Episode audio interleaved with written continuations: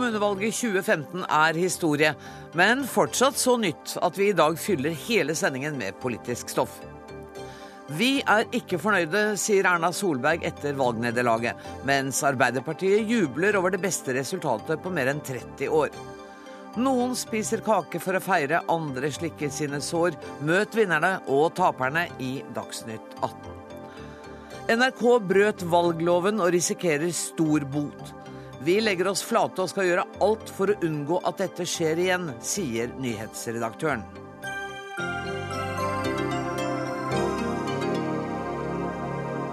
Vi skal naturligvis også by på kommentarer og analyser, men først byr vi på litt feststemning. Arbeiderpartiet, Senterpartiet og Miljøpartiet De Grønne er valgets store vinnere, mens eh, Høyre og Fremskrittspartiet vel ikke er så fornøyd med resultatet. De borgerlige partiene har tapt i Bergen og Tromsø, og det samme kan skje i Oslo. Nå har politikerne fått sovet noen timer og er klare for forhandlinger om de neste årene. Og jeg er veldig glad mine herrer, for at dere har kommet til Dagsnytt 18 for å gjøre akkurat det. er, er det noe gærent med ledningen din, Rasmus Hansson? Nei, nei, nei, det er noen som har litt kort i lunta. Ja. Du, det er eh, sjelden jeg har så mange men jeg sa ikke alle stikker i studio. Men jeg har lyst til å begynne med deg, Trond Giske. Arbeiderpartiet er et av valgets store vinnere. Dere gjorde det beste valget på mer enn 30 år. Hvor overraska var du? Jeg var spent. Det var jo veldig sprikende meningsmålinger. Aftenposten presterte jo rett før valget å slå på forsida at vi kom under 30. Eh, så vi var eh, ikke trygge, men eh, veldig veldig tilfredse når vi så at pila pekte oppover. Vi skal også huske på at 2011 var det beste valget på 24 år. Eh, å gå fram fra det, det var eh, i våre målsetninger, men, eh, men, vi var spente. Vi skal gni det inn for noen av dem som ikke hadde fullt så stor grunn til å juble.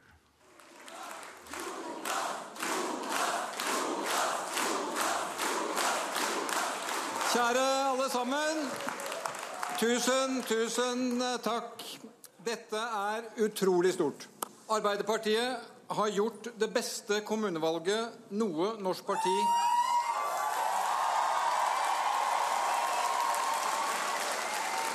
Det beste kommunevalget noe norsk parti har gjort på tre tiår. Ja, Jubelen sto i taket. Sikkert gøy å være der. Men så kan dere ikke hvile på disse laurbærene. Eh, og jeg har tenkt litt på hva kan grunnen være til at dere gjorde et såpass bra valg akkurat nå? Tror du at flyktningekrisen har hatt noe med det å gjøre? Nei, jeg tror faktisk egentlig ikke det. For jeg tror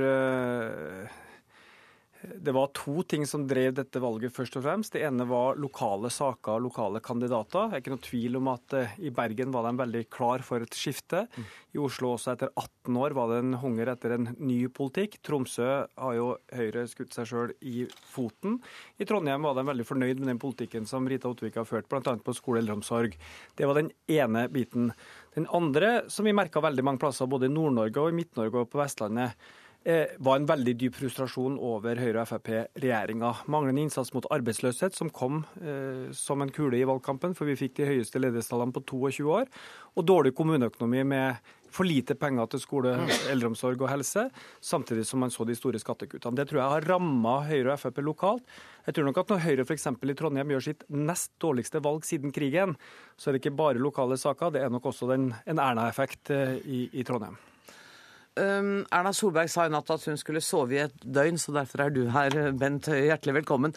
Um, tror du at det er de lokale sakene som har ført til dette valgresultatet for Høyre, som det må jeg bare si, som ikke er så katastrofalt dårlig som man kunne få inntrykk av i går, da? Nei, da, Dette er det nest beste resultatet for Nettopp. et lokalvalg eh, på 25 år. Eh, men det er ikke eh, godt nok. Vi hadde ønsket et bedre resultat. Så jeg er enig i den første delen av Trond Giske sin analyse.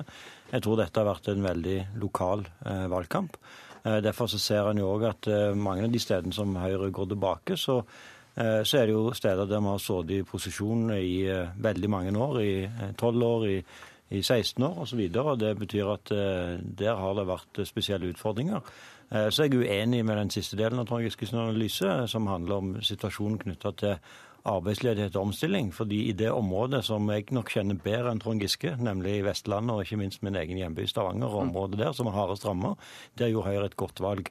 Eh, både i Stavanger og i Sola og kommunene rundt, å beholde posisjon. Så de menneskene som lever i den virkeligheten som Trond Giske prøver å fremstille, de har en annen oppfatning. De mener at regjeringen der leverer i forhold til å hjelpe i den vanskelige situasjonen, og de opplever òg at Høyre lokalt er de rette til å styre. Men, men det, er, det, det, er, jo Altså, nå er valget over. Ja. Folk stemte i går. Vi kan bare telle tallene. Eh, og Det er forhandlinger som gjenstår, selvfølgelig, men det kan ligge an til skifte både i Ålesund, i Haugesund, på Karmøy, Stord, i Bergen. Eh, Florø blir det kanskje Arbeiderpartiet. Altså Det er et vestlandsopprør mot denne regjeringa. Der ledigheten har ramma hardest, så har Høyre falt og mister makt i veldig mange byer. Man holder på Stavanger, men sjøl der er flertallet som har styrt Stavanger, borte. Eh, og man må karre til seg stemmer fra Frp for å fortsette å styre. Og i Sandnes er det brakvalg for eh, Arbeiderpartiet. Så det bildet, så det bildet, du, det bildet du tegner, det, er mer nyansert. Det bildet du tegner, er det motsatte. Nei, det, Dette er et uh, veldig tydelig signal fra Vestlandet om at ledigheten ikke tas nok på alvor. Altså, Arbeiderpartiet kan gjerne leve i den illusjonen for meg. Det er bare en fordel at de har feil analyser. Men hvis en går inn i de kommunene som Trond Giske her ramsker opp, så er det nettopp en del av de lokale forholdene som slår inn. Eh, som, eh, som, har gjort at eh, en får dessverre dårlig resultat for Høyre. F.eks. i Haugesund, der, der, Høyre har måttet tatt ansvar for å rydde opp i en dårlig økonomi etter Terra-saken, som jo har vært tøft for, for, byen. Og at en da med et Høyre-styre etter ja, nå er det vel over 20 år. Der får et skifte, det er ikke, er kanskje overraskende. Vi skal gå tilbake og så skal vi høre litt hva statsminister Erna Solberg sa i natt. Og for de som kjenner meg godt, så er det bare ett svar på det. Det er å brette opp ermene, sove et døgn og begynne på'n igjen. Og jeg er helt sikker på at hele Høyre kan si I'll be back i 2019. Det var ingen eh, slagen statsminister vi, vi hørte her. Har dere begynt eh, arbeidet, Høie? Ja, Vi er jo godt i gang med arbeidet og eh, fram mot eh, valget i 2017. og Erna Solberg eh, har jo kommet styrka ut av denne valgkampen. Det er det ingen tvil om. Det som er viktig for oss nå, og det, jo, det ser vi at mange av våre velgere er utålmodige på, det er at vi leverer resultater. Det tror jeg er noe av årsaken til Senterpartiets fremgang. Vi er i gang med ganske viktige eh, omstillinger både i eh, offentlig sektor, viktige endringer som skal bidra til bedre tjenester til folk.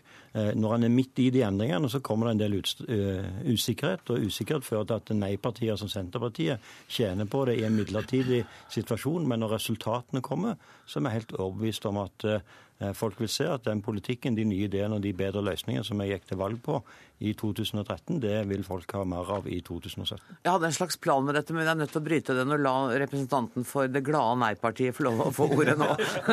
For det, det Høie sier, Trygve Slagsvold Vedum, det er jo at når det er store og viktige endringer på gang, så er det angsten som tar en del velgere, og den angsten gjør at de flytter over til Senterpartiet. Jeg tror, eh, Apropos hvem som har rett. Han Bent Høie har en litt sånn eh, hyggelig analyse for sine egne vegne i dag. Blant annet at Erna, Det er ingen tvil om at Erna Solberg har kommet styrket ut av den valgkampen der. Det er jeg litt usikker på om er en, når man visste både Bergen og Oslo. Men det, men det skal han få lov til å trøste seg med i dag. Og så tror jeg, Men det, jeg tror folk ser hva som skjer. Jeg. Altså Så enkelt som det. Det er ikke uten grunn at vi f.eks. har da gått over 40% i Tinn kommune nå. For de ser at når sykehuset blir lagt ned, så blir det et dårligere tilbud. Og så kan jo Bent Høie sitte og si at det blir bedre sjøl om sykehuset ikke er der.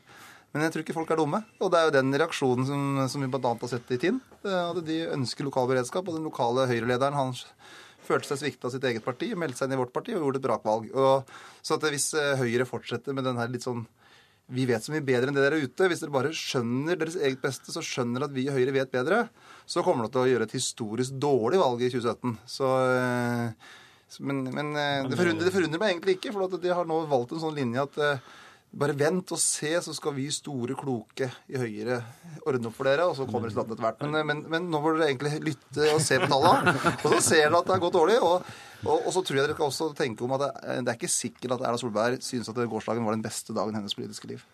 Det er jeg helt sikker på at hun ikke syns det var. Det ville vært å ta i. Vet du hva, jeg har lyst til å gå til Rasmus Hansson. Er du litt glad for at du ikke har denne byrden av historie, politisk historie å dra med deg? Du bare kom fra 0,8 til skyhøyt på en på et døgn? Politisk historie er viktig å dra For partiet mener jeg de har ikke lang politisk historie. Jeg skjønner hva du mener, men jeg må jo benytte sjansen her. Eh, det er jo også en fordel å slippe å dra på eh, det som jo er et problem i norsk politikk, nemlig denne evige kjeklinga av hvem som gjorde hva i forgårs. Eh, og når hvem byttet standpunkt med hvem, i skjul eller i åpent lende. Så det er deilig for oss å slippe. Vi kommer jo med en ny analyse inn i norsk politikk som sier at nå må vi se på de store jobbene. Og den aller største jobben er altså at vi må bytte ut samfunnet vårt eh, fra å være basert på noe som ødelegger eh, framtida for eh, menneskene på jorda, til en velferdsstat som er basert på noe annet. Det er mer økonomisk ansvarlig, og det skaper nye arbeidsplasser, og det er miljømessig ansvarlig. Og det er den meldinga vi har gått ut med og utfordret alle andre partier på. Eh, og vi ser fram til at de kommer til å komme etter. Foreløpig er det velgerne som kommer etter. Mm. Men, men, samtidig så kommer du også til å komme i den posisjonen at du må uh, gjøre avtaler enten i åpen lende eller i lukkede rom. For da nå blir du hva heter det, bebeilet? Tilbeilet? Jeg vet ikke. Tilbeilet da, fra alle kanter. Bebeilet syns jeg er fint. er fint? Ja. Det er helt riktig, og vi har jo aldri hatt noen illusjoner om at ikke vi skal delta i uh, politikken. Men det kommer ikke til å forandre vårt, uh, vårt, politiske ståsted og våre politiske mål. Og de er fortsatt uh, det mest systemkritiske som er i norsk politikk i dag. Det er vi som foreslår en grunnleggende endring. Og den har tatt det politiske Norge på senga.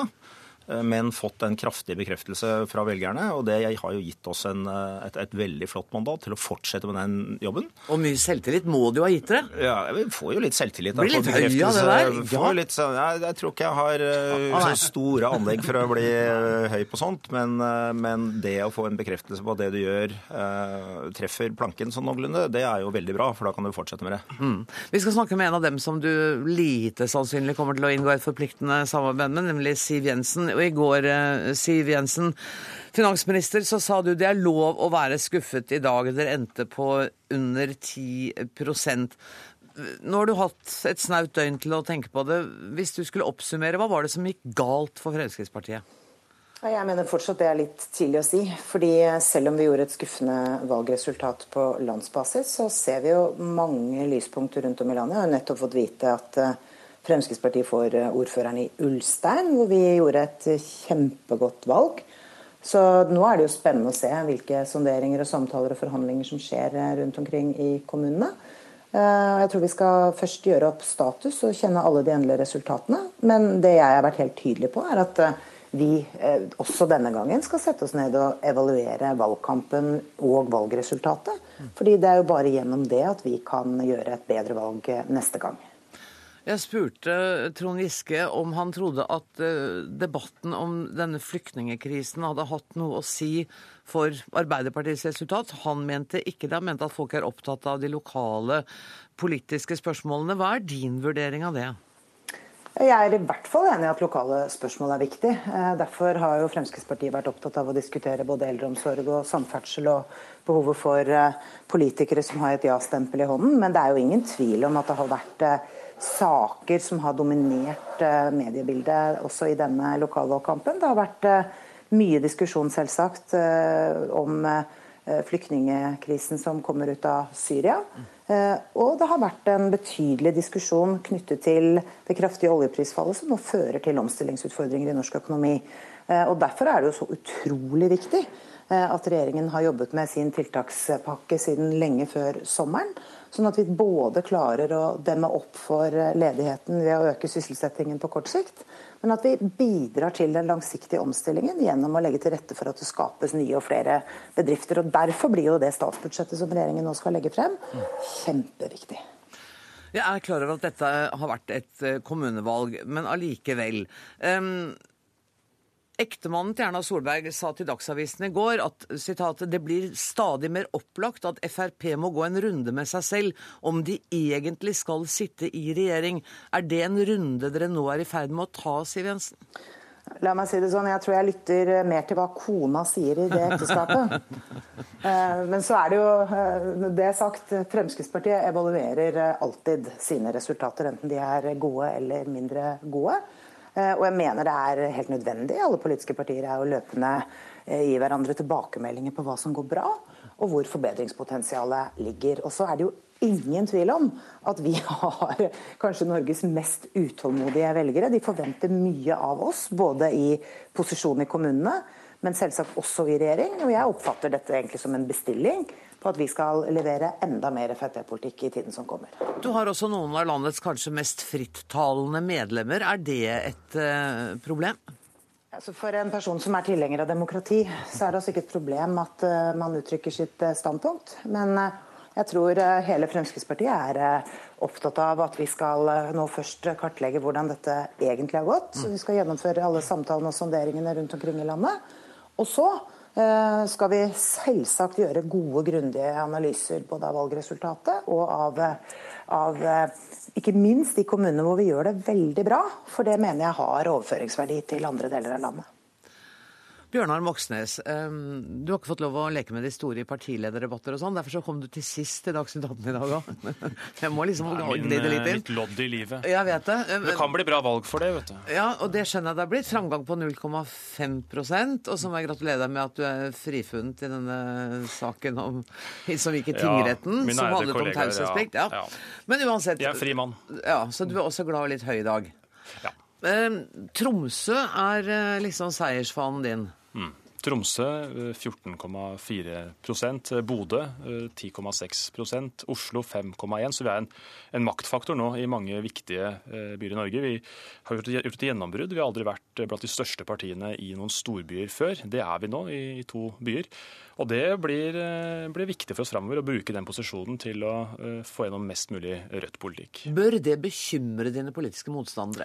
Det bør bekymre Erna Solberg. Eh, hun advarte jo i innspurten også i Tromsø om at eh, et sterkt Rødt vil trekke Arbeiderpartiet til venstre.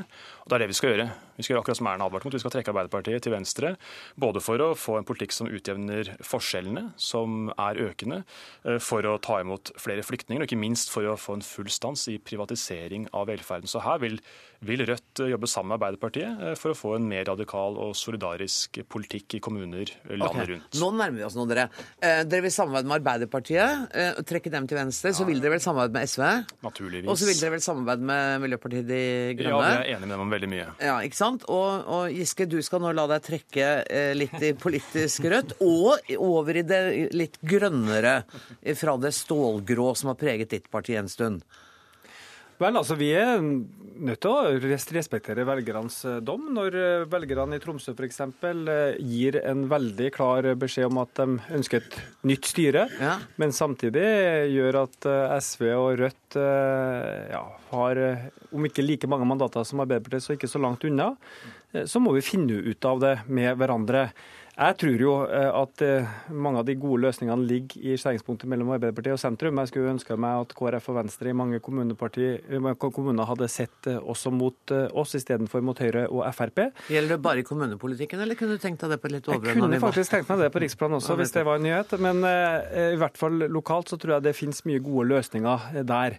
Eh, men eh, i både Tromsø og Bodø, eh, i Trondheim også for så vidt, selv om ikke vi har Rødt med i sånn budsjettkoalisjon og sånn, så har vi et godt og ryddig forhold til Rødt. Og jeg tror de er innstilt på å ta ansvar. Og jeg hører fra den dialogen som allerede skjer både i Tromsø og Bodø, at dette går veldig konstruktivt for seg. Men det, det er klart det blir en ny opplevelse for Rødt å måtte ta et ansvar for et kommunebudsjett. Så det blir spennende å se hvordan de håndterer det. Men det var interessant det du sa, for du snakket om Rødt og du snakket om SV, og så snakket du om Kristelig Folkeparti og så snakket du om Venstre, og så nevnte du ikke Senterpartiet. Er dere liksom ikke så på talefot for tida? Eller? Nei, tvert imot. Det er nesten at vi tar hverandre litt for gitt uh, ah, ja. i mange byer. Men si på, i distriktskommunene så er det jo ofte Ap mot uh, Senterpartiet. Både i Stjørdal og Steinkjer var vi i konflikt. Så, men på, på landsplan og i veldig mange kommuner tror jeg vi og Senterpartiet snakker veldig godt sammen. Det som eh, var den tydelige beskjeden fra velgerne både i Oslo eh, og Bodø og Tromsø, det var jo at Man var lei av en borgerlig politikk som har vart i fire år, som har ført til eh, utsalg av offentlig velferd, økende skiller. Man ønsker en ny, ny kurs politisk. Og da kan jo ikke Arbeiderpartiet, mener jeg, eh, søke mot sentrum og gå sammen med KrF og Venstre, for da får du ikke noe alternativ politikk til den som har blitt ført i fire år av et Høyre-sentrumsstyre i både eh, Bergen, nei, både Bodø og Tromsø og Oslo. Så jeg håper at vi får vist hva vi kan få til ved at Arbeiderpartiet søker seg til venstre i politikken, går sammen med, Rødt, SV og gjerne også MDG, og fører en helt annen kurs enn den politikken som folk var luta lei av, som var den borgerlige politikken som har ført i altfor mange år. Høye, altså Hvis Trond Giske nå skulle få det som han ville, så ble det dere, altså Høyre og Frp på én side, og Røkla.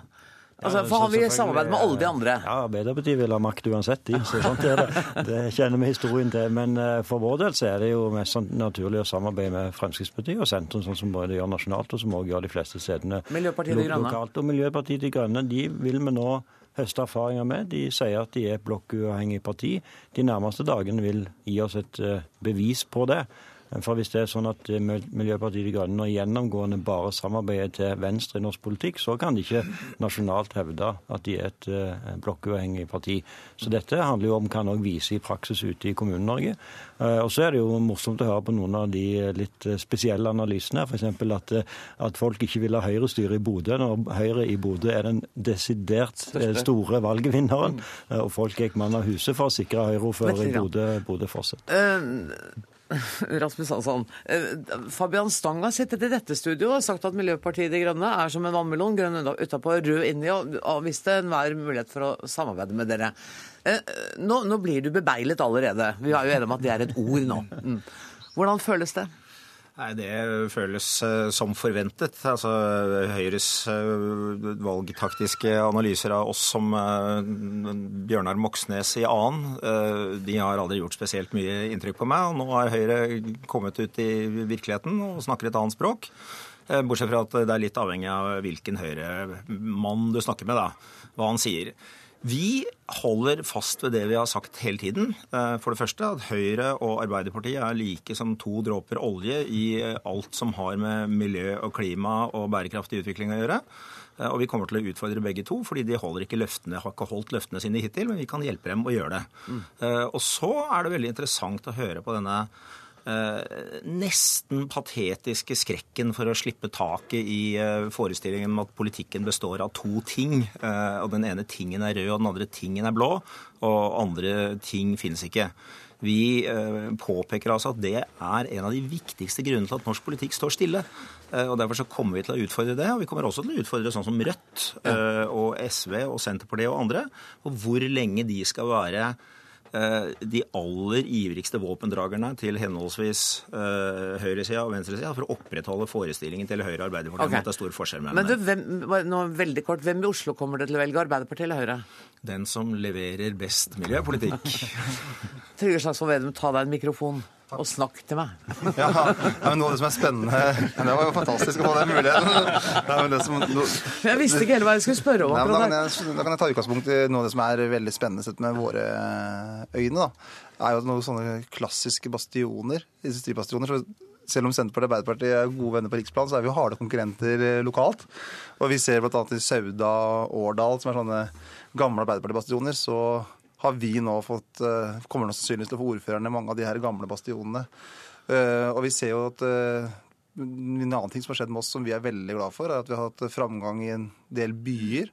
Vi har hatt framgang i Akershus. Så vi har i tillegg til å styrke, styrke oss i Distrikts-Norge, så har vi hatt liksom framgang over hele landet. Og en større framgang enn du hadde turt håpe på, egentlig? Ja, det var mye, ja, mye større. Selvfølgelig ligger og drømmer, så, men at det, skulle få, at det skulle være det beste valget siden 95, det det så ikke sånn ut hvis vi går litt tilbake i tid, men vi har, vi har klart det veldig godt. Og det som har vært suksesshistorien vår, det er nok at vi har enormt mange som har nå stått og snakka vår sak rundt i hele landet. Og så har vi høy tillit. Eh, og så, en, så, er det nok et reaksjon på regjeringas tro på stordrift eh, som har mobilisert. Og så vil nok Senterpartiet og Arbeiderpartiet være en lokal konkurrent framover alltid. Mens men, nasjonalt så finner vi mange fellesløsninger. Men kanskje Arbeiderpartiet nå, når dere blir mektigere, har større grunn til å ikke konkurrere så hardt? Jeg vet ikke hva du sier, Arbeiderpartiet? Nei, men jeg syns jo også lokalt finner vi altså Både i Telemark og i Sogn og Fjordane har vi styrt sammen, så dette er jo veldig ofte lokalt prega. Men det jeg tror kommentatorene i Oslo-pressen eh, har undervurdert, er den dype frustrasjonen ut i landet, som jeg tror både har gagna Senterpartiet og Arbeiderpartiet dette valget. En frustrasjon over sentralisering, en frustrasjon over sysselsettingspolitikken, en frustrasjon over eh, kommunebudsjettene og mangel i kassen der. Og dette tror jeg ikke bare Høyre og Frp ikke har sett, men også mange av dem som sitter i Oslo og kommenterer politikk, og så verken at Arbeiderpartiet kom til å gjøre et godt valg, eller Senterpartiet. Og bare for å si det, i 2013 fikk altså Høyre og Frp til sammen 43 i dette valget så får de vel omtrent 10 prosentpoeng eh, mindre. Det er et dramatisk fall fra et stortingsvalg til et kommunevalg, og et veldig tydelig signal over at eh, folk i, om at folk i Norge er dypt frustrert med Høyre- og Frp-regjeringas politikk. Høye. Nei, Det er jo ikke tilfellet. Det å sammenligne lokalvalg med nasjonalvalg vet Trond Giske veldig godt ikke gir eh, mening i en sånn sammenheng. Og så er det jo litt interessant, fordi de reformene som Senterpartiet har reist rundt land og strand og advart mot. Stritta imot? Og stritta imot, Som kommunereform, som politireform eh, f.eks.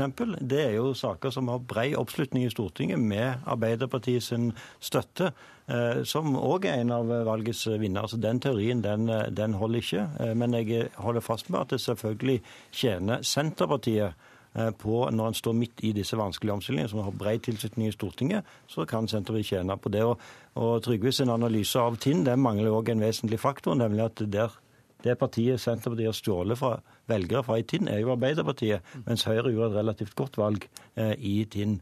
Eh, så, så, her ser han at dette er, at det har vært et veldig lokalt valg. Mm. Og det er det som, Der er jeg helt enig med Trond Giske sin analyse. Dette har vært et veldig lokalt valg, og en vil kunne finne ganske gode forklaringer fra kommune til kommune på de ulike utslagene. Så mange dårlige høyre, lokale høyrefolk kan det ikke være at man har gjort dårlige lokalvalg overalt systematisk. Så det må jo være samtidig, samtidig, så det må jo være noe dere har gjort feil nasjonalt òg. Det er jo ydmykhet. Det er det er også litt lurt når du skal evaluere sitt eget valg. Som jeg, som jeg også sa innledningsvis, jeg er ikke fornøyd med dette resultatet. Og en, en av årsakene til at vi eh, nå ikke får det resultatet vi ønsker, er at mange av våre velgere er utålmodige på å se resultater av regjeringspolitikk. Jeg, jeg tror det er motsatt. Og dermed så, derfor så er det selvfølgelig sånn at vi er nødt til å bli flinkere til å få fram resultatene. Resultatene vil også komme og da tror jeg, mer framover. Jeg, jeg tror nettopp folk ser resultatene. At det, det, så det er det som er problemet deres. Eh, og når dere blir enda flinkere til å få fram resultatene, så vil det gå enda dårligere, for folk ønsker ikke den politikken dere fører. Det er okay. Eh, jeg har tenkt å gi Moxnes ordet helt til slutt. Hvor viktig er det for dere å få ordfører, f.eks. i Tromsø? For oss er ikke posisjonene eh, det viktigste. Det tror jeg mange er klar over. For oss er det viktigst å få dratt politikken i en mer rettferdig retning. Og vi kan godt forhandle bort et ordførerverv hvis det fører til at vi får med Arbeiderpartiet eh, på f.eks. å ta tilbake barnehager som er privatisert, eller aldershjem, og ikke minst sørge for at de som gjør de tyngste løftene i kommunene, de ansatte i eldreomsorgen, i barnehagene, får bedre arbeidsvilkår. Hvis vi får til det, så kan vi godt la Arbeiderpartiet få klippe noen snorer. Det er ikke det viktigste for oss. Jeg har ombestemt meg. Et spørsmål til Giske. Hvor viktig er det for dere å få, arbeid, for å få ordføreren i Oslo? Nei, Det må du spørre dem i Oslo om. Jeg syns det er friskt når Rødt sier at de ikke forhandler bort ordføreren i Tromsø. Da har du en eh, riktig holdning til det. Vi skal behandle dem med respekt og samarbeide godt der eh, vi får det til. Det er nye tider nå. Takk for at dere kom, alle sammen. Trond Giske, Bent Høie, Siv Jensen som var med oss på telefon, Rasmus Hansson, Trygve Slagsvold Vedum og Bjørnar Moxnes. Dagsnytt 18 alle hverdager klokka 18. På NRK P2 og NRK2.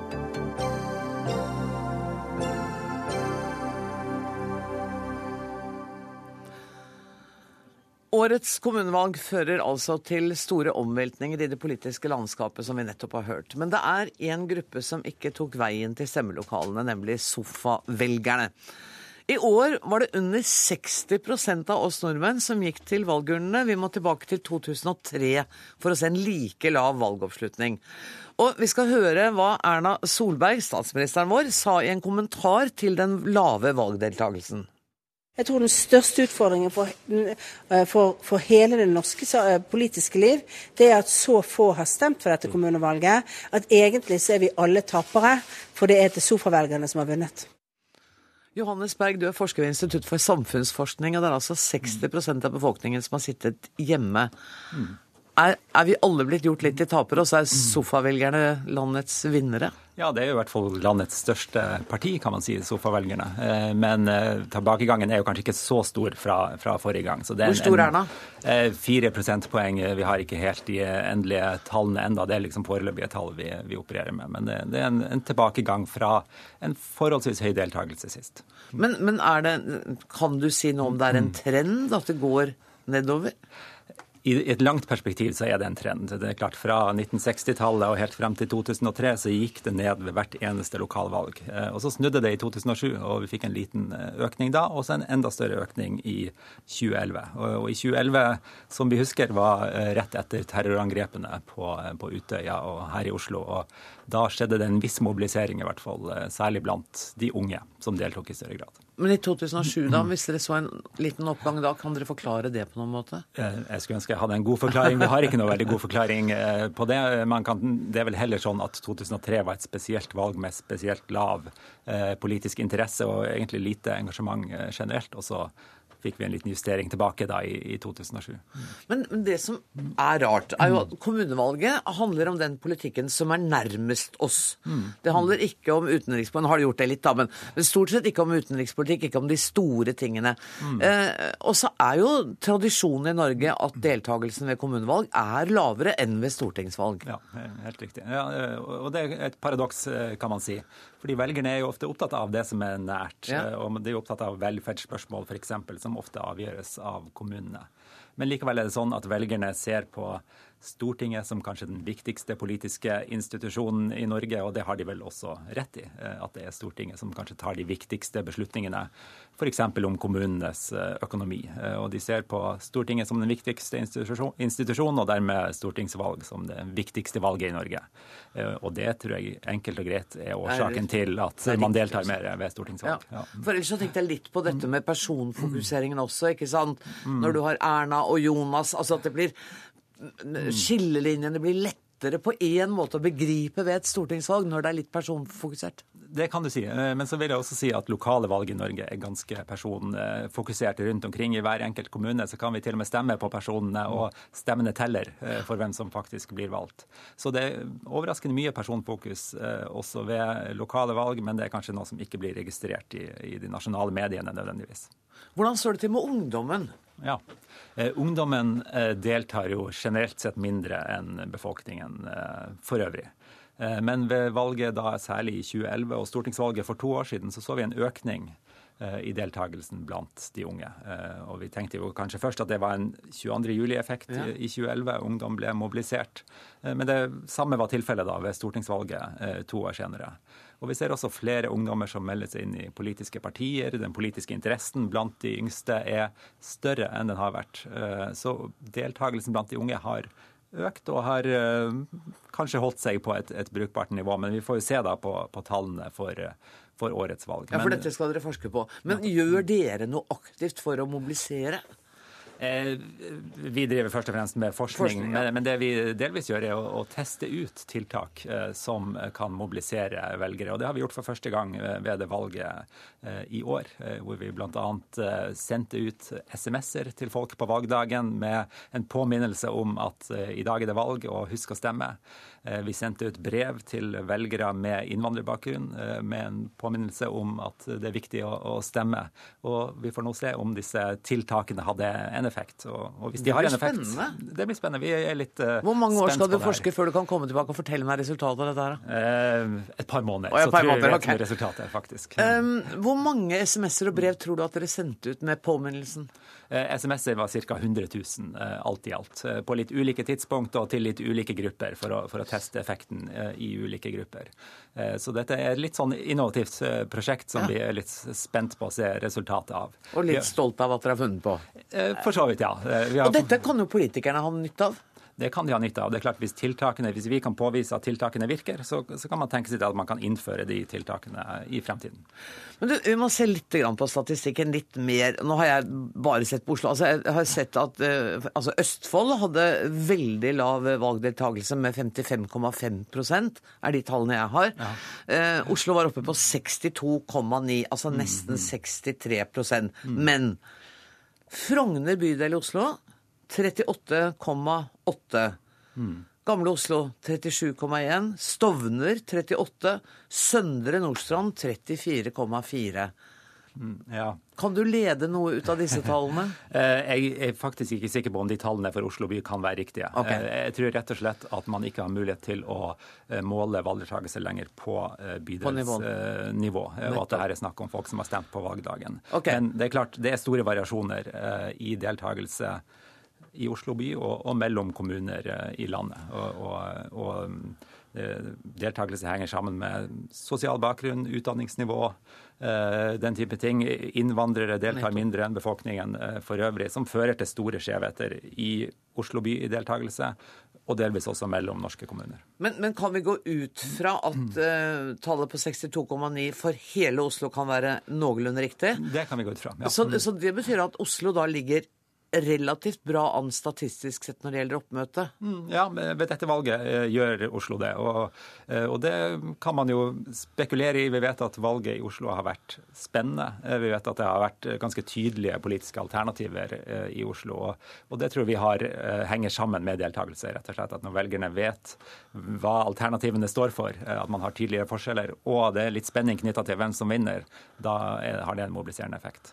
Johannes Berg, før du går, så må jeg spørre deg, stemte du? Ja, det er klart det stemte. Og så kommer du tilbake om et par måneder og forteller om resultatet av den interessante undersøkelsen. Tusen takk for at du kom. Hør Dagsnytt 18 når du vil. Radio NRK.no.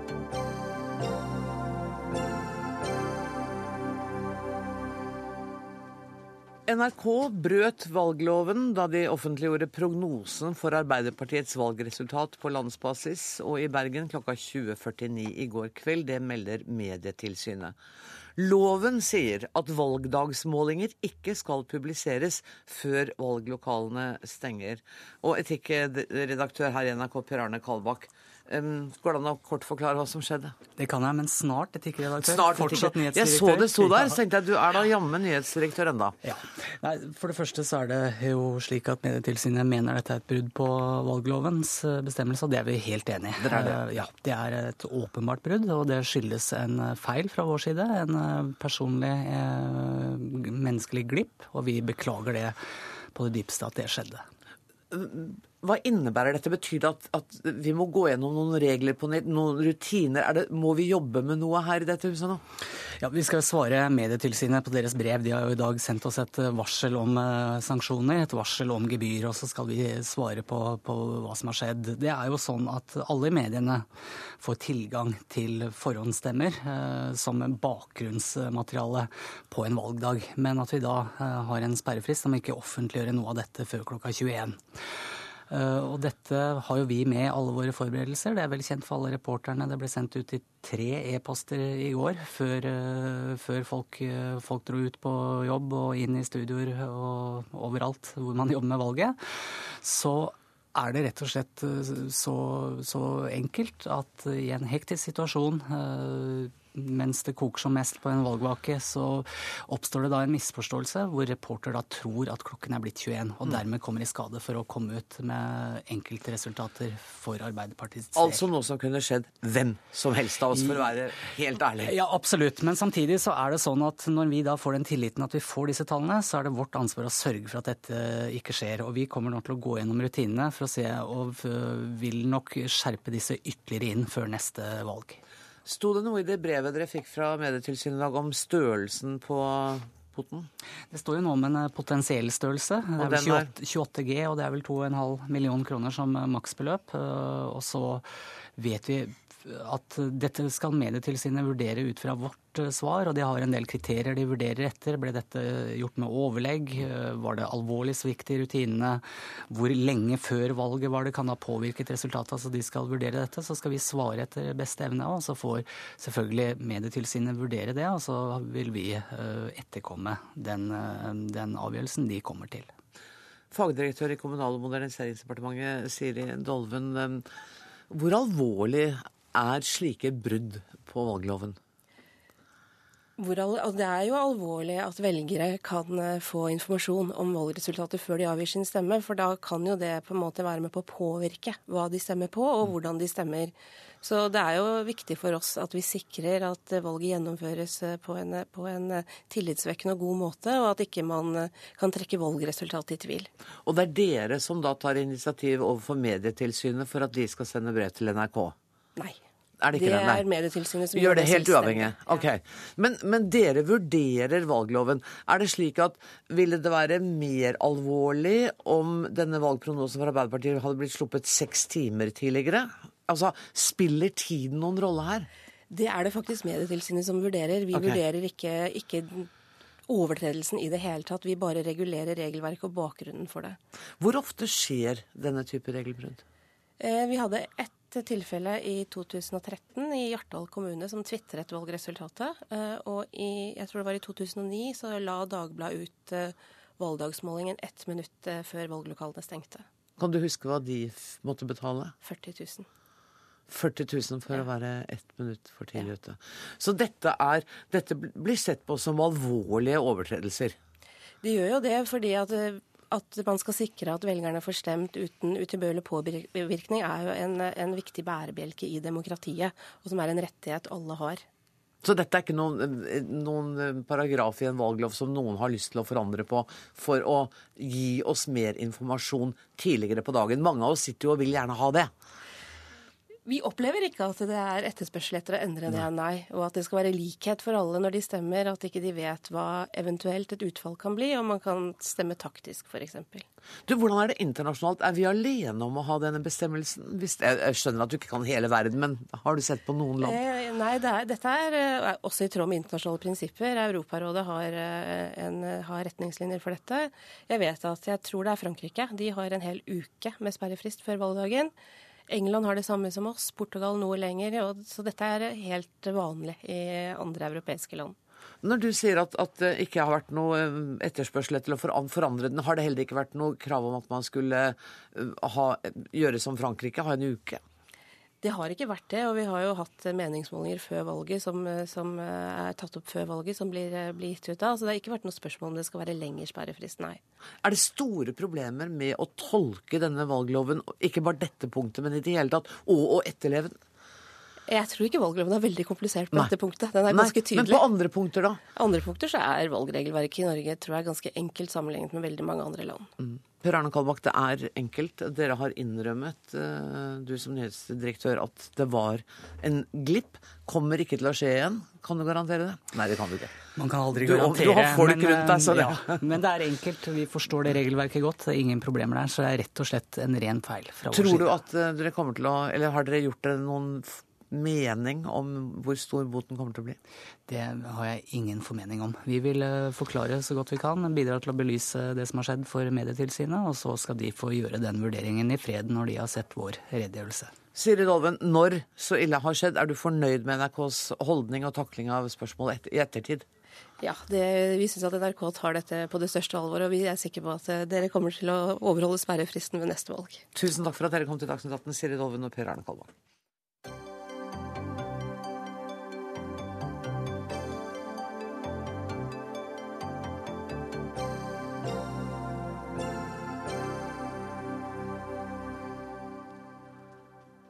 Jonas Gahr Støre og Arbeiderpartiet jubler, mens altså Erna Solberg og Fremskrittspartiet, altså Erna Solberg i Høyre da, og Fremskrittspartiet har startet selvransakelse etter nattens valgresultat. I studio nå har jeg, ikke her i dette studiet, men jeg har samlet fire politiske kommentatorer for å oppsummere valgresultatet og se framover mot eh, neste valg. Eh, jeg begynner med deg, Lars Nehru Sand, du er kommentator her i NRK dette valgresultatet er jo så mangslunget. Jeg satt og så på deg på TV i går, og så tenkte jeg er det mulig å samle én tråd og si dette oppsummerer valget? Det ble aldri gjort i går, så vi gjør det nå. Vær så god, oppsummer valget. Nei, Jeg gjorde det vel i så mange leddsetninger som du indikerer, fordi det er ingen uh, klar uh, hovedpoeng. Det vil si, det er jo det, fordi hovedpoenget er at de borgerlige går tilbake. Ja. Uh, og det får jo også mest implikasjoner på den spennende ferden mot 2017 og historien om Erna Solbergs videre regjeringsprosjekt. Men under radaren så skjedde jo det at Senterpartiet gjorde et ganske godt valg og et fascinerende resultat i mange enkeltkommuner, som Vedum har redegjort for allerede. Eh, og så er det eh, et eh, resultat hvor, hvor, SV egentlig ikke gjør det så veldig bra. Og så er det selvfølgelig gjennombruddet til Miljøpartiet. Ja. Og at Rødt har gjort det bra, nevnte du det? I hvert fall litt fram. Rødt har gjort et av sine bedre valg i, siden de første gang stilte i 75, så de har all grunn til å være fornøyd. Um, Frøy Gudbrandsen, du er kommentator i Bergens Tidende. Kanskje den mest spennende byen eh, i Norge de siste halvannet døgnene. Det er leit med Bergen, sa Erna Solberg rett før midnatt. Partiet gikk tilbake 12 prosentpoeng. Det finnes vel mer enn én grunn til at det gikk dårlig for Høyre i Bergen? Ja, Det er veldig mange forklaringer på det. Ehm, men jeg tror det at det har vært så mye rot eh, generelt de siste årene, er liksom den store forklaringen. Det har jo vært Bybanesaken, det har vært partier som har forlatt byrådet, eh, og det var jo denne skipsdåpssaken i vår, og skifter av byrådsleder osv. Så, videre. så det har vært så mye. Eh, og Derfor så faller jo Høyre mer i Bergen enn andre steder. Eh, så det å fordele liksom skyld eh, i den saken, det er ganske vanskelig. Det er en slags kollektiv svikt i Bergen Høyre, dette her.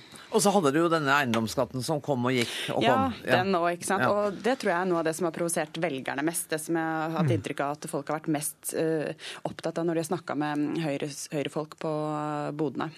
Jeg ser at Lars sitter og er enig med deg på det. Ja, Jeg har bare snakka med folk i Bergen Øre som, som, sier at det har gjort inntrykk når de har gått på husbesøk, at folk eh, tar opp eiendomsskattesaken så, så, tydelig som de har gjort, for å si det pent. Mm. Og Du skriver Frø Gudbrandsen, at politikk er en popularitetskonkurranse. Eh, kan Erna Solberg og hennes mannskap vinne den i løpet av de neste to årene, med det bakteppet av alt det rotet som du nå har skissert? Jeg tror man skal holde Bergen litt sånn adskilt, for Bergen er, Bergen, Bergen er, liksom i ruiner akkurat nå. og det, Så det, der får de bygge seg opp fra bunnen. Men eh, jeg er usikker på om eh, regjeringen klarer å vinne en gang til med de samme partiene i regjering. Eh, for jeg tror tyngdepunktet i Solberg-regjeringen sånn som det er nå, den er litt for langt til høyre for velgerne. Så jeg er usikker på om de kommer til å klare det. Så jeg tror at det beste for Erna Solberg, hvis hun har lyst til å fortsette som statsminister, så er det rett og slett å, å håpe at Fremskrittspartiet trekker seg, og så at hun får inn noen andre partier. Mm. Uh, Frø Gudbrandsen, Vi skal snakke mer om konsekvensene dette har for de to regjeringspartiene. Mm. Men først vil jeg til Lars Egil Mogård, som er journalist i NRK Troms. Og I Tromsø så gikk Høyre tilbake 16% men la oss snakke om Rødt. For der har de doblet oppslutningen, og er nå Tromsøs tredje største parti. Forklar hva som skjedde her. Jo, 14,4 eh, oppslutning fikk partiet. og det er, mm. det er, jo en lang, lang eh, vei som partiet har gått. Og ikke minst eh, førstekandidaten Jens Ingvald Olsen, som har jo vært en, en, sliter i lokalpolitikken i mange perioder. Og som nå ved valget her gir, gir skikkelig uttelling for han og Rødt at han står på topp. Så her er mange ting som spiller inn, men ikke minst hans knallharde kritikk av av byrådet eh, som har eksistert i Tromsø de siste fire årene. Vi har jo en byrådsmodell her i byen, i likhet med Bergen og Oslo. Og Eh, Rødt har jo hamra løs på det hemmeligholdet som de mener har vært i dette byrådet, og eh, de beslutningene som foretas i lukkede rom. Og Det tror jeg Rødt har tjent på i, i, i forbindelse med valget nå. Så eh, her, her, er mange ting som spiller inn. Og I tillegg så har, er jo Tromsø har jo vært en som man kaller en solidaritetsby. Jeg tror det har også spilt inn at det har vært sentrale personer som ofte har tilhørt venstresida, som har deltatt i internasjonale humanitære humanitære aksjoner og, og, og, vært ute og reist. Og alt det her har spilt sammen, og det har jo gitt utslag i at, at Rødt kommer i denne unike posisjonen i, i Tromsø. Du, Blir det Jens Ingvald Olsen fra Rødt som blir ordfører, rett og slett? Spør du meg, så er svaret nei. nei. Det tror jeg ikke. fordi og, og Ordføreren i et parlamentarisk system, det er jo ikke der makta ligger. Er jo, han er jo mer snorklipper og sånt. Men det er jo i byrådsmodellen. Um, og da er jo poenget her at uh, Rødt og SV, som også gjorde et brukbart valg i Tromsø, ikke vil sitte i et uh, byråd sammen med Arbeiderpartiet. Men de har sagt at de kan støtte et byråd hvis hvis de får politiske konsesjoner nok. Så her skal det bli knallharde, tøffe dragkamper om både politikk og posisjoner i, i, uken som nå kommer. Men jeg tror ikke at Jens Ingvald Olsen eh, vil til slutt ende som ordfører, selv om han er nå partiets ordførerkandidat. Men du tror kanskje at det blir Jarle Aarbakke fra Arbeiderpartiet likevel? Ja, slik det ser an. Men så kan jo eh, SVs representant eh, Ingrid Marie Kielland kanskje bli et, eh, en kompromisskandidat her. Men det er jo byrådslederen som er først og fremst viktig i det systemet vi har. Mm. Men Lars Egil, også hos dere er det mange uavklarte spørsmål. Heng med oss litt til, for jeg tenkte å, å gå til Trine Eilertsen. Det er jo det er to veldig forskjellige byer vi snakker om her, Tromsø og Bergen, men med litt sånn sammenfallende kaosinntrykk dagen etter valget, eller? Ja, altså de, Høyre har jo hatt et veldig dårlig år i både Tromsø og, og, Bergen. Eh, og du ser at eh, velgerne straffer de for det. De får ikke ut politikk, de får kun ut eh, problemer. Eh, og de gir klar beskjed om at sånn vil vi ikke ha det. Så har de gått helt i mange av de helt annen, eh, Det er nok ikke Høyre-velgerne, men mange velgerne har gått helt andre enden i Tromsø. Men i Bergen så er det jo da Arbeiderpartiet som har eh, et av sine beste valg, på å si mannsminne, mm. som har tatt den. La, og la oss snakke litt om denne regjeringsslitasjen. Det er et ord som har vært brukt mye det siste døgnet.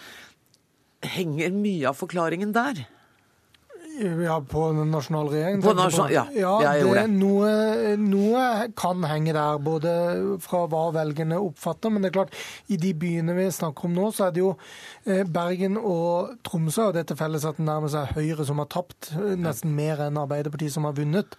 Eh, men, men jeg tror det som er spenningen med regjeringsprosjektet, som Frøy også var inne på, er jo at når Høyre ser ut til å styre en litt tidvis kaotisk regjering fordi den er i et spenn mellom Fremskrittspartiet og sentrum, så har det fått uh, hele prosjektet til å virke mer uh, hva skal jeg si for noe på mer gyngende grunn enn det egentlig har vært. Og selv om da Erna Solberg gjør en god figur som statsminister osv., så, så får folk et annet inntrykk av regjeringsprosjektet som sådan. Det er jo interessant å se flyktningsaken, hvordan den har utviklet seg under valgkampen. Og da har jo regjeringen og Erna Solberg prøvd å være litt proaktiv, som det heter i, næringslivet. Og, komme med initiativ, giverlandskonferanse, øke nødhjelpsbudsjetter, altså gjøre en del sånne ting. Men de får ikke noe politisk uttelling for det. Og en av grunnene til det tror jeg at assosiasjonen til regjeringen er veldig Eh, altså Frp er en sterk assosiasjon, så folk hører på en måte ikke på det øret. Så du får ikke igjen for at du faktisk møter en del av de, eh, den strømningene som er i befolkningen. Men, men, det er interessant, for da, før dere kom så hadde jeg flere politikere i studio. Jeg spurte bl.a. Eh, Trond Giske og Bent Høie om de trodde at flyktningkatastrofen hadde noe med resultatet av valget å gjøre. Og begge to avviste det, sa at nei, folk er opptatt av de politiske, nære tingene. Men Det er jeg litt uenig ja. i. Fall når det gjelder altså, sko I skolevalgene i Hordaland så gjorde Arbeiderpartiet det helt vanvittig bra. Eh, og Det som, som, jeg hørte derfra, var nettopp det at uh, ungdommene var veldig opptatt av eh, denne flyktningkrisen, og at det var Arbeiderpartiet som de uh, mente hadde snakka mest om det, og som var mest opptatt av internasjonal solidaritet osv. Så, videre. så jeg ser ikke bort fra den, den store økningen til Arbeiderpartiet i Bergen. Altså Vi fikk jo nesten 38 av, av stemmene i Bergen. Det er, det er helt spinnvilt til å være Bergen. Eh, og at flyktningkrisen kan ha noe å si i det resultatet, det, altså, kan, det kan godt tenkes. Holdningen til regjeringen å gjøre. Jeg tror det kan ha, kan ha noe å si, ligge der som en del av flere elementer. Men, eh, men så ser vi Oslo igjen, da, som er, også var et veldig spennende valg på alle måter. og der ser vi jo at vi, vi, trodde jo tidlig i går kveld at det skulle bli et rødt skifte i Oslo. Det ble det ikke. Det ble et grønt skifte. Eh, Arbeiderpartiet og SV gikk ned. Eh, Høyre, Fremskrittspartiet gikk ned. De som gikk frem, var jo MDG og, og Rødt. Og Rødt. Uh, sånn at du, fikk, du får jo en, et maktskifte i Oslo, men det er jo det grønne elementet som er interessant. og Egentlig ikke så store endringer, unntatt for uh, Venstre faktisk som eh, ble straffet i Oslo. Og selv om flyktningkrisen ikke nødvendigvis har flytta noen velgere mellom partiene, så kan det ha mobilisert noen til å gå og mm. stemme, mm. og demobilisert eh, Frp-velgere i særdeleshet, som, som, ikke nødvendigvis har vært enig med Carl I. Hagen. Men du, da må jeg nesten spørre deg, Lars Egil Moger, du er fortsatt med oss, ikke sant? Ja, ja, ja. ja, ja annet skulle mangle. Ja. Hvordan gikk det med Miljøpartiet De Grønne i, i Tromsø? Ja, de kommer jo inn i kommunestyret, men de får jo ikke den avgjørende innflytelsen som man har i andre byer. Men ett parti som har det jo forferdelig vondt i dag, er jo Høyre i Tromsø. Et, et, et dårlig valg, for å si det enkelt. For fire år siden oppnådde jo Tromsø Høyre 36,1% oppslutning. I stor grad takket være byens eh, populære ordfører de siste fire åra, Jens Johan Hjort. Men så skjedde jo det dramatiske og uventa at han trakk seg eh, på nominasjonsmøtet i januar. Og partiet ble jo halvert på, på meningsmålingene allerede da. Og det hadde de på en måte aldri klart å komme seg opp eh, fra knestående. Og, og ja, nå taper de altså byrådsmakta i, i, Tromsø, selv om Frp gjorde et brukbart valg eh, her i byen. Men, men Lars Egil, altså, Vi velgere er kjent for å ha dårlig hukommelse. Mener du fortsatt at Høyre i Tromsø lider under at Jens Johan Hjort trakk seg i januar? Ja, fordi at uh, Dette ble jo også et personvalg i høy grad, og var det for fire år siden. Og de har jo ikke klart kanskje å framskaffe uh, kandidater som har vært like populære som han viste å være. Og han var jo en, en stemmemagnet, og den magneten mangla i, i Høyre foran, foran, valget nå i går. Så partiet jo, gikk jo kraftig tilbake i Tromsø. Mm. Så Eh, fra Gudbrandsen, der hører vi altså Lars Egil Moe snakke om Tromsø og hvordan man er personavhengig. Hvor, hvor viktig har eh, dette oppstyret rundt Trude Drevland vært for Høyre i Bergen? Nei, Det er veldig vanskelig å si, egentlig. men jeg jeg tror det har vært ganske negativt. Men jeg tror den viktigste effekten det har hatt, det er nettopp at Høyre ikke har fått snakka nok om politikken sin i valgkampen. at det har vært et eh, forstyrrende element. Og de hadde jo håpa at hun skulle være en stemmesanker i valgkampen. Men det ser ut som at hun eh, heller har hatt eh, motsatt effekt. Samtidig som man ser at hun jo, har jo fått mange personstemmer. Så hun er jo en kontroversiell person som både ja, som folk har ulike synspunkter om det. Mm. Trine Eilertsen, Fremskrittspartiet i, i, dette her. Nå hørte vi at Erna Solbergs eh, ektefelle i går sa at eh, Fremskrittspartiet nok må gå en runde til på om de vil sitte i regjering. Da jeg snakket med Siv Jensen, så hørtes det ikke ut som det var aktuell politikk for hennes vedkommende. Nei, det ville overraske meg hvis hun hadde sagt at det var det, men det overrasker meg ikke Hun sa bare at hun lytta mer til kona enn til mannen. at, eh, at, flere begynner å snakke om det, også inne i Fremskrittspartiet. For det er klart at det har jo vært et litt sånn stående eh, ordtak nesten, at når Frp går under 10% da kommer det til å skje noe i det partiet. Og Det er jo også Frp-ere som har sagt, så det er jo ikke bare folk på utsiden som eh, sier det. Det er klart For de er det et dramatisk resultat. Eh, og de vil få, Jeg tror vi kommer til å gå inn i en fase hvor vi får noen lekkasjer og noen diskusjoner internt i partiet. og De skal jo ha et eh, landsstyremøte også hvor de diskuterer eh, bl.a. dette forliket om 8000 flyktninger og regjeringsdeltakelse og gjennomslag. og og, og, Det som jeg ser for meg må skje, da, eller som kommer til å bli veldig vanskelig, nå kommer det snart et statsbudsjett, der er Frp fullstendig avhengig av å fremstå som en vinner. Mm. Eh, men det er også støttepartiene, som, ikke, som ligger der og lunker med egentlig en oppslutning som nesten ikke endrer seg, uansett hva de gjør, om det er søndagsåpne butikker eller flyktninger eller hva det er som de faktisk har mulighet til å skulle hatt mulighet til å hente velgere på, så skjer det jo ingenting. Eh, og så kommer de og skal ha alle markeringene sine i dette budsjettet, og så skal Erna Solberg ha, ha sine og styre dette. og Det tror jeg blir Det var interessant i fjor, kan bli enda mer interessant i år.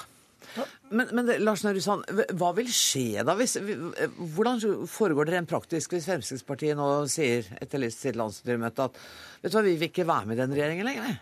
Hva skjer da? Da må Erna Solberg vurdere hva hun skal gjøre. Det er jo Stortingsgruppen er jo sammensatt sånn som de er, så hun vil jo fortsatt ha muligheten til å styre i Stortinget og danne flertall med Frp, som da har brutt ut, eller med sentrum, eller for så vidt med Arbeiderpartiet, kanskje i, i noen saker, i den grad de vil hjelpe til. Eh, men det vil jo mer bli en diskusjon om sentrumspartiene da vil gå inn i regjering hvis Frp går ut. Men det er jo ingenting per nå som tyder på at Siv Jensen vil ta det svært ydmykende steget det vil være for henne. og å gi opp et regjeringsprosjekt som hun har tro på, og egentlig har hele sin politiske kapital som Frp-leder lagt i at partiet blir i regjering, i hvert fall i, i fire år. Men det som, som eh, Eilertsen også er inne på, er at den budsjettprosessen vi nå går inn i, blir et, eh, et veldig viktig vendepunkt på hele regjeringsprosjektet, hvor sentrumspartiene jo selvfølgelig vil ha gjennomslag. Frp må være vinner. Erna Solberg skal styre gjennom dette.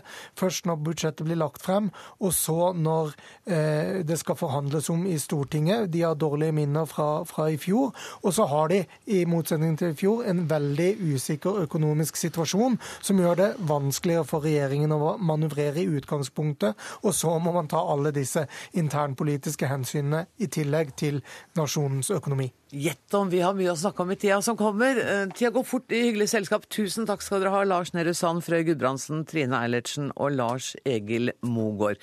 Helt til slutt skal jeg bare få lov å nevne at det var Gry Veiby som eh, var eh, ansvarlig for sendinga i dag. I regien satt Lisbeth Sellreite. Jeg heter Anne Grosvold og ønsker dere alle en fortsatt riktig god kveld.